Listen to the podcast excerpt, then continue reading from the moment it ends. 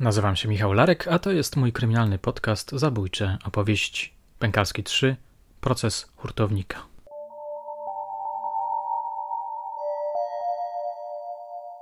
Kto mnie słucha od dawna, ten wie, że mam skłonność do uwag w rodzaju ta historia jest niezwykle filmowa, z tego można by zrobić serial, ta sprawa przypomina amerykański kryminał.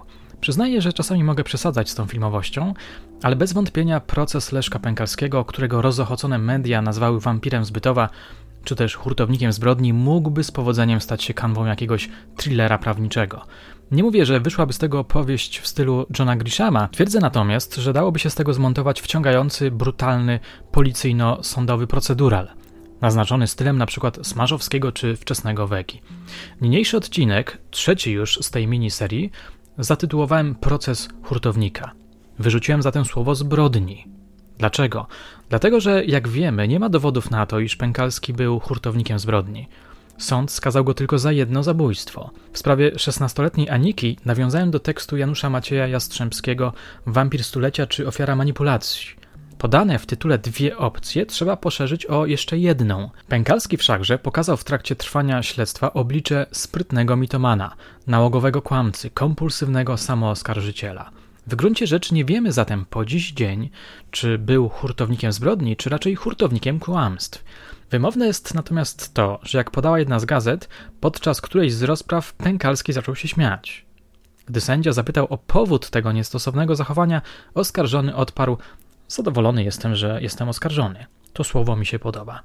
Co takiego podobało mu się w tym słowie? Czy w sytuacji określanej przez to słowo nie zostało wyjaśnione, ale przyznacie, że można to wyznanie wskazać jako motto do opowieści o sprawie Leszka Pękalskiego. On przecież do pewnego momentu był, jak się zdaje, niezwykle zadowolony z tego, że gra rolę słynnego oskarżonego o dziesiątki zabójstw. Moi drodzy, przedstawiam Wam dzisiaj odcinek poświęcony procesowi Pękalskiego. Rekonstruując go, opierałem się na artykułach publikowanych na łamach Głosu Pomorza oraz Głosu Słupskiego. Posłuchajcie.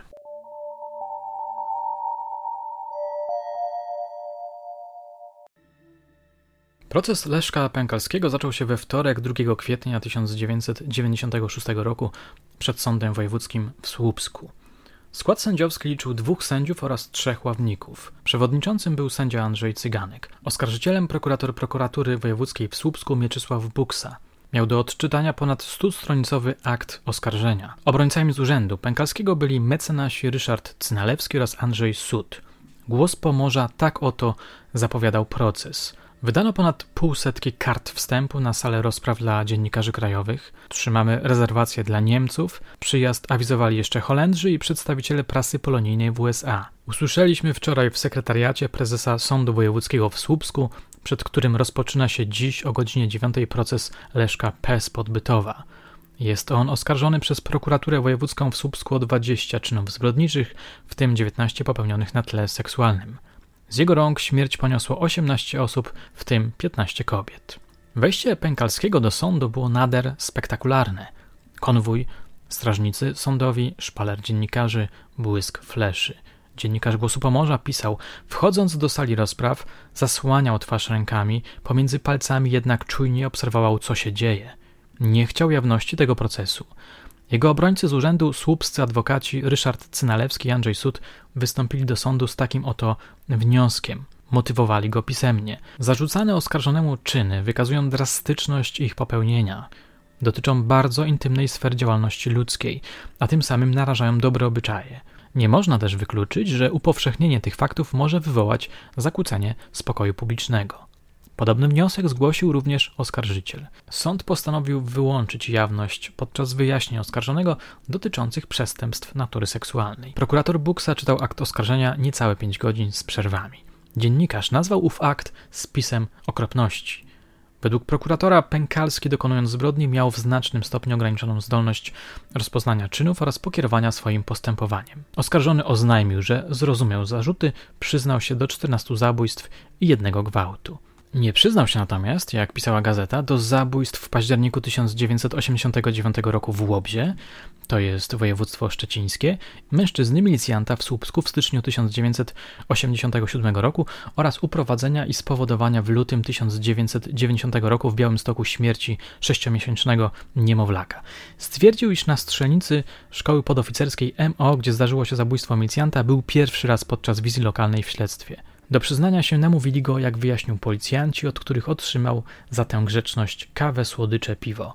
Od przesłuchujących dostał też magnetofon za 800 tysięcy starych złotych, kupiony mu za jego wypiskę, by służył nagrywaniu w areszcie tego, co sobie jeszcze przypomni. Oskarżony stwierdził też, dodaje dziennikarz, iż w śledztwie zmyślił wiele szczegółów dotyczących m.in. zabójstwa w Łobzie. Przesłuchujący go w tej sprawie mieli mu obiecać, że jak się przyzna, to nie dostanie kary śmierci. Kolejnego dnia procesu, czyli w środę 3 kwietnia 1996 roku, sąd nakazał publiczności, w tym dziennikarzom, opuszczenie sali. Mecenas sud wyjaśniał oburzonym przedstawicielom mediów, że dzięki temu Pękalski będzie bardziej, by tak rzec, produktywny w czasie składania wyjaśnień. Jak oskarżony jest swobodny, dowodził adwokat, spokojnie i więcej mówi.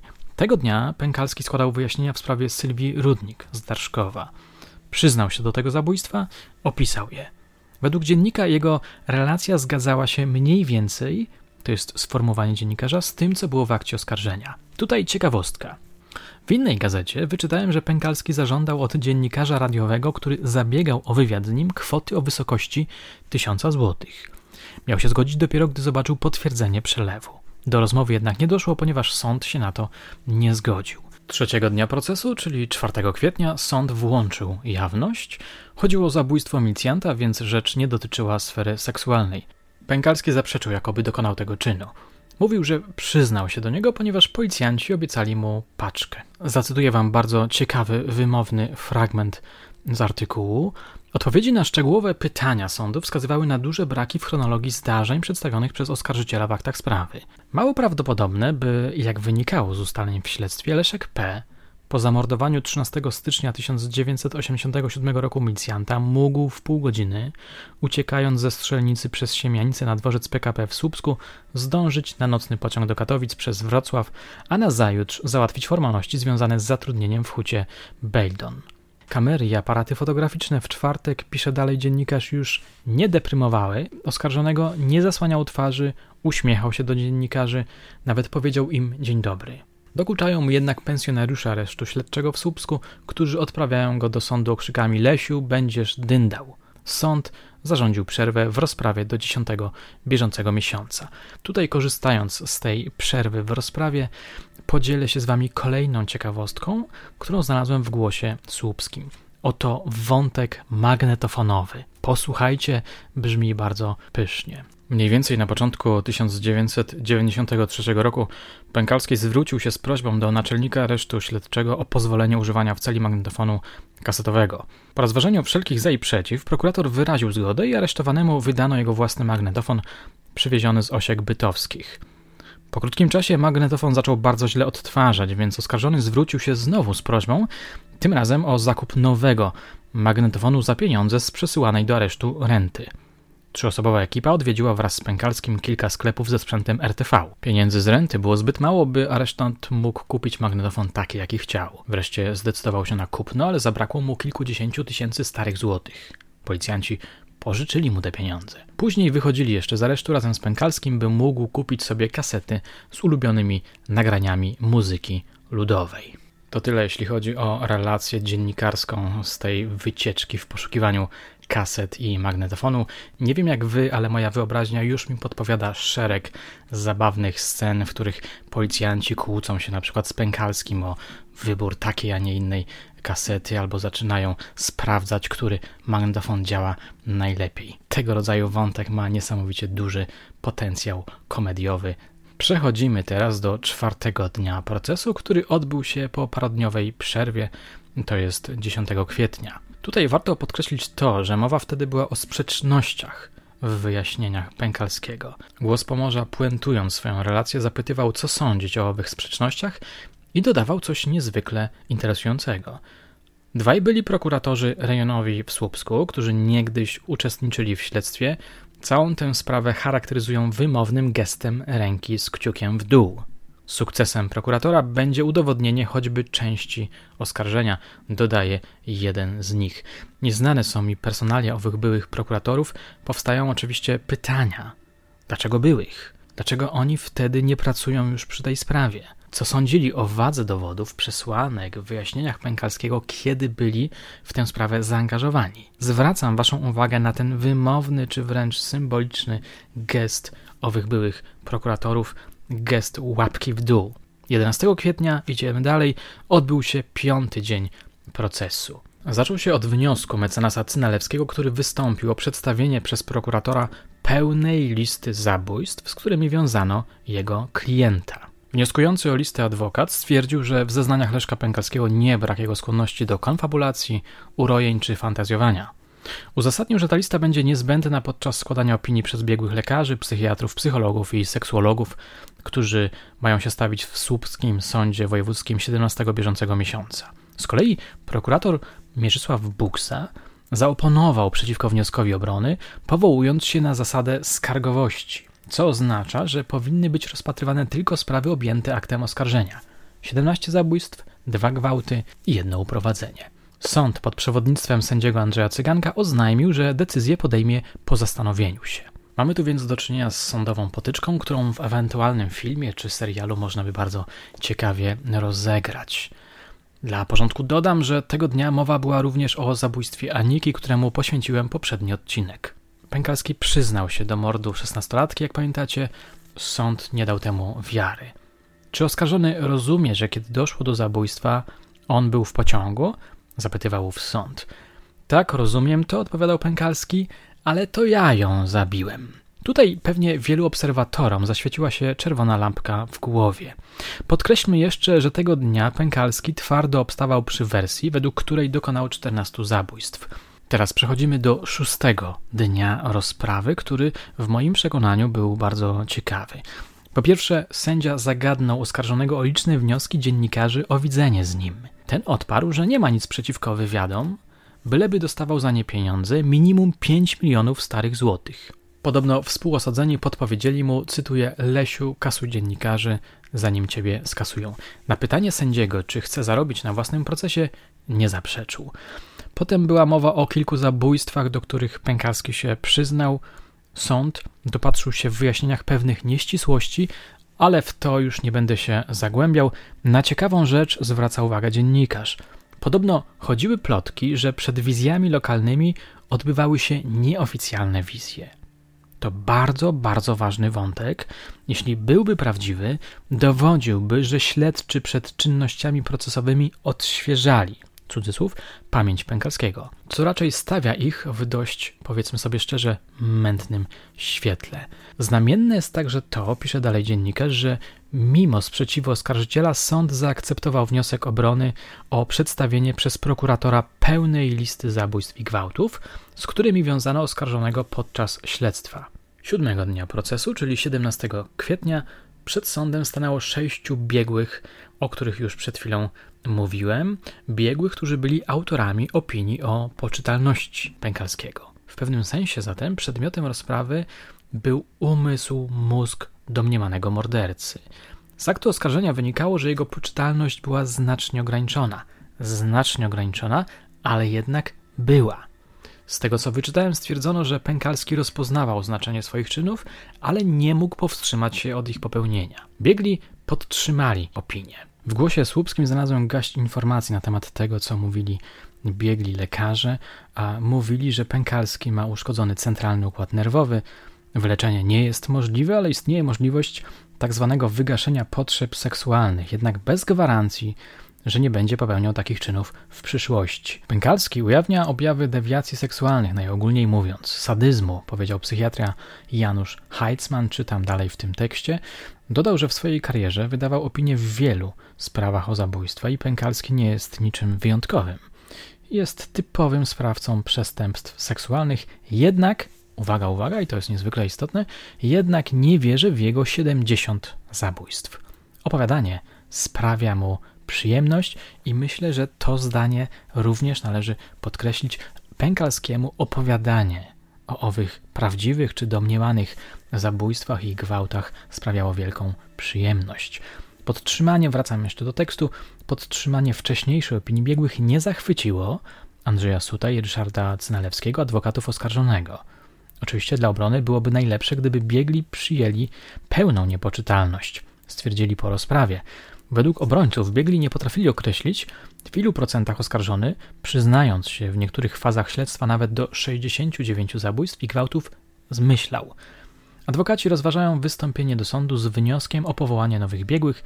Jeśli taki wniosek przedstawią, a sąd go uzna, niewykluczone, że Pękalski jeszcze raz przejdzie obserwację psychiatryczną. Po tej rozprawie następuje dłuższa przerwa w procesie.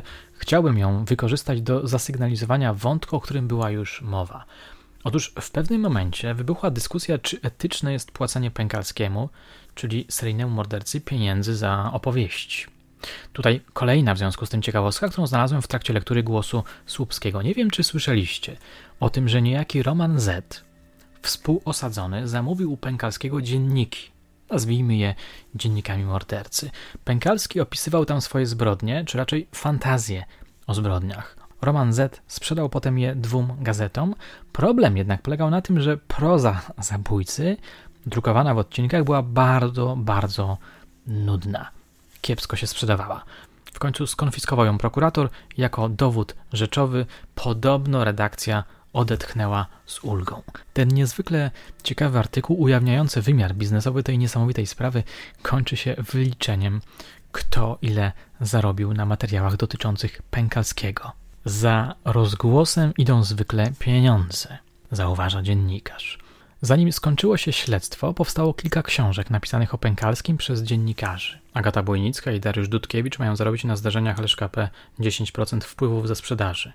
Magdalena Omilianowicz dostała za bestię 15 milionów starych złotych. Małgosia Bednarczuk, 23-letnia słupszczanka, dzięki procesowi Pękalskiego zadebiutowała w telewizji gdańskiej, bowiem żaden z tamtejszych dziennikarzy nie mógł przyjechać na rozpoczęcie procesu. Tyle na ten temat, bo zrobiło się być może troszkę niezręcznie. Minął kwiecień, zaczął się maj. W tym miesiącu podczas kolejnych rozpraw w sali sądu miał miejsce swoisty maraton filmowy. Krótko mówiąc, odtwarzano zapisy z wizji lokalnych. Nie będę wchodził w szczegóły, nie chcę was zanudzać. Generalnie, sąd miał coraz więcej wątpliwości co do wyjaśnień Pękalskiego, coraz mniej ufał jego morderczym opowieściom i coraz bardziej dystansował się do pracy i ustaleń śledczych. Wydaje się, że ta łapka w dół powiększała się z każdym dniem procesu. Co działo się w czerwcu? Wybiorę kilka ciekawszych momentów. 19 dnia procesu, to jest 11 czerwca, nastąpił sensacyjny zwrot akcji. Pękalski zaprzeczył, jakoby dokonał zabójstw i oznajmił, że policja oraz prokuratura wymusiła na nim przyznanie się do nich. Co ciekawe, odwołał także przyznanie się do morderstwa Sylwii Rudnik z Darszkowa, za które, jak pamiętamy, został ostatecznie skazany. Zmuszono mnie pałą, twierdził. Tutaj można otworzyć nawias i przypomnieć, że w dokumencie jedynki TVP pod tytułem Wampir zbytowa historia niedokończona wypowiada się wujek Pękalskiego. Ów mężczyzna mówi, że jego siostrzeniec przyznał się do zabójstw, ponieważ był bity. Twierdził, że widział paskudne obrażenia na jego ciele. Jak rozebrał koszulę do pasa, ja patrzę, kurczę, to miał takie pręgi jak mojej półręki. Jakbym ja tak dostał tyle pałów, to już bym dawno leżał dwa metry pod ziemią. To są słowa tego wujka. Czy prawdziwe? Odmawiam oczywiście odpowiedzi, nie mam pojęcia. Warto tutaj przywołać również dzień, w którym mowa była o zabójstwie wspomnianej Sylwii. To był wtorek 18 czerwca. Głos Pomorza poinformował, że matka Sylwii w pewnym momencie wykrzyknęła w stronę oskarżonego morderco, łapę ci obciąć. Wspomniałem trochę o tym dniu w pierwszym odcinku miniserii. Być może pamiętacie kasus niewiarygodnego świadka, jakim była Janina C., koleżanka zamordowanej siedemnastolatki. Raz zaznawała na korzyść, raz przeciwko, w kuluarach natomiast mówiła jeszcze coś innego. Nie będę jednak tego wątku rozwijał, w razie czego odsyłam do tamtego podcastu. Bardzo ciekawe rzeczy działy się 25 dnia procesu, czyli we wtorek 25 czerwca. Głos Pomorza swoją relację zatytułował bardzo pomysłowo Tajemna siła białej pałeczki. Było to nawiązanie do policyjnej pałki, którą policjanci posłużyli się, według Pękalskiego, i jego wujka w trakcie przesłuchań. I właśnie okoliczności, w których Pękalski przyznał się do 70 zabójstw, sąd chciał tego dnia zbadać. Przyznam, że i mnie to niezwykle interesuje. Jak to było? Jak to się stało, że Pękalski zaczął przyznawać się do kolejnych zabójstw? Myślę, że jest to sprawa kluczowa dla tego śledztwa. Według zeznających funkcjonariuszy przyznanie się miało miejsce 17 grudnia 1992 roku po północy, kiedy, cytuję, przysłuchujący rozeszli się po pokojach komendy, by naradzić się w sprawie jego zatrzymania w związku z zabójstwem Sylwii. Zacytuję wam teraz fragment artykułu. Chciałbym, żebyście usłyszeli autentyczną relację dziennikarzy. Zdaniem nadkomisarz Alicji W. Nie powiedziano mu nawet, że jest on o to podejrzany. Wystarczyło jednak, że Leszek P. pobył w pokoju kwadrans sam na sam z aspirantem Józefem B., po czym można było wznowić przesłuchanie od słów Teraz powiem, jak umarła. Podczas tej krótkiej przerwy byłem szykanowany pałkami. Mniejszą, która leżała na stole i dużą w szafie, wyjaśnił oskarżony. Przestraszyłem się policjanta B. Funkcjonariusz Józef B. zaprzeczył. Najpierw to on krzyczał, że siebie i nas pozabija albo wyskoczy przez okno. Zerwał się z krzesła, uderzył głową w ścianę. Z Markiem C. uspokoiliśmy go. Z szafy wyjąłem kajdanki i pałkę, którą położyłem przy maszynie do pisania. Uprzedziłem, że skujemy go, a nawet użyjemy pałki, jeśli będzie się tak dalej zachowywał. Spoglądał na pałkę, bo go niepokoiła. Schowałem więc ją do szafy. Przesłuchiwany nadkomisarz Marek C. nie pamiętał przebiegu tego zdarzenia, natomiast nadkomisarz Alicja W. była w innym pokoju. Jej zdaniem drugi moment przełomowy zachowaniu Leszka P. nastąpił w maju 1993 roku, kiedy zaczął przyznawać się do wielu innych zabójstw. Nie wiem, skąd on wiedział o tych zabójstwach, których nie obejmuje akt oskarżenia, odpowiedziała sądowi. Czyli wychodzi na to, że policyjna pałka tak czy inaczej pojawiła się w trakcie przesłuchania. Myślę, że warto to zaznaczyć. Tego dnia sąd odroczył proces do września. Nie wiem jak wy, ale ja, dobrnąwszy do tego momentu procesu, mam w głowie jeden wielki chaos. Co tu jest prawdą, co z myśleniem, kto kłamie, kto nie, kto ma rację. Sceptyczny sąd, bojowo nastawiony prokurator, czy obrońcy punktujący dziury dowodowe.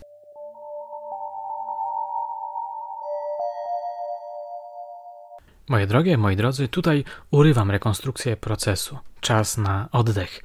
W następnym odcinku zatytułowanym Wyrok doprowadzę ją do końca. Tymczasem możecie dzielić się ze mną swoimi opiniami, bardzo jestem ich ciekawy. Dziękuję za nie z góry, a teraz żegnam się z Wami. Do usłyszenia już niebawem.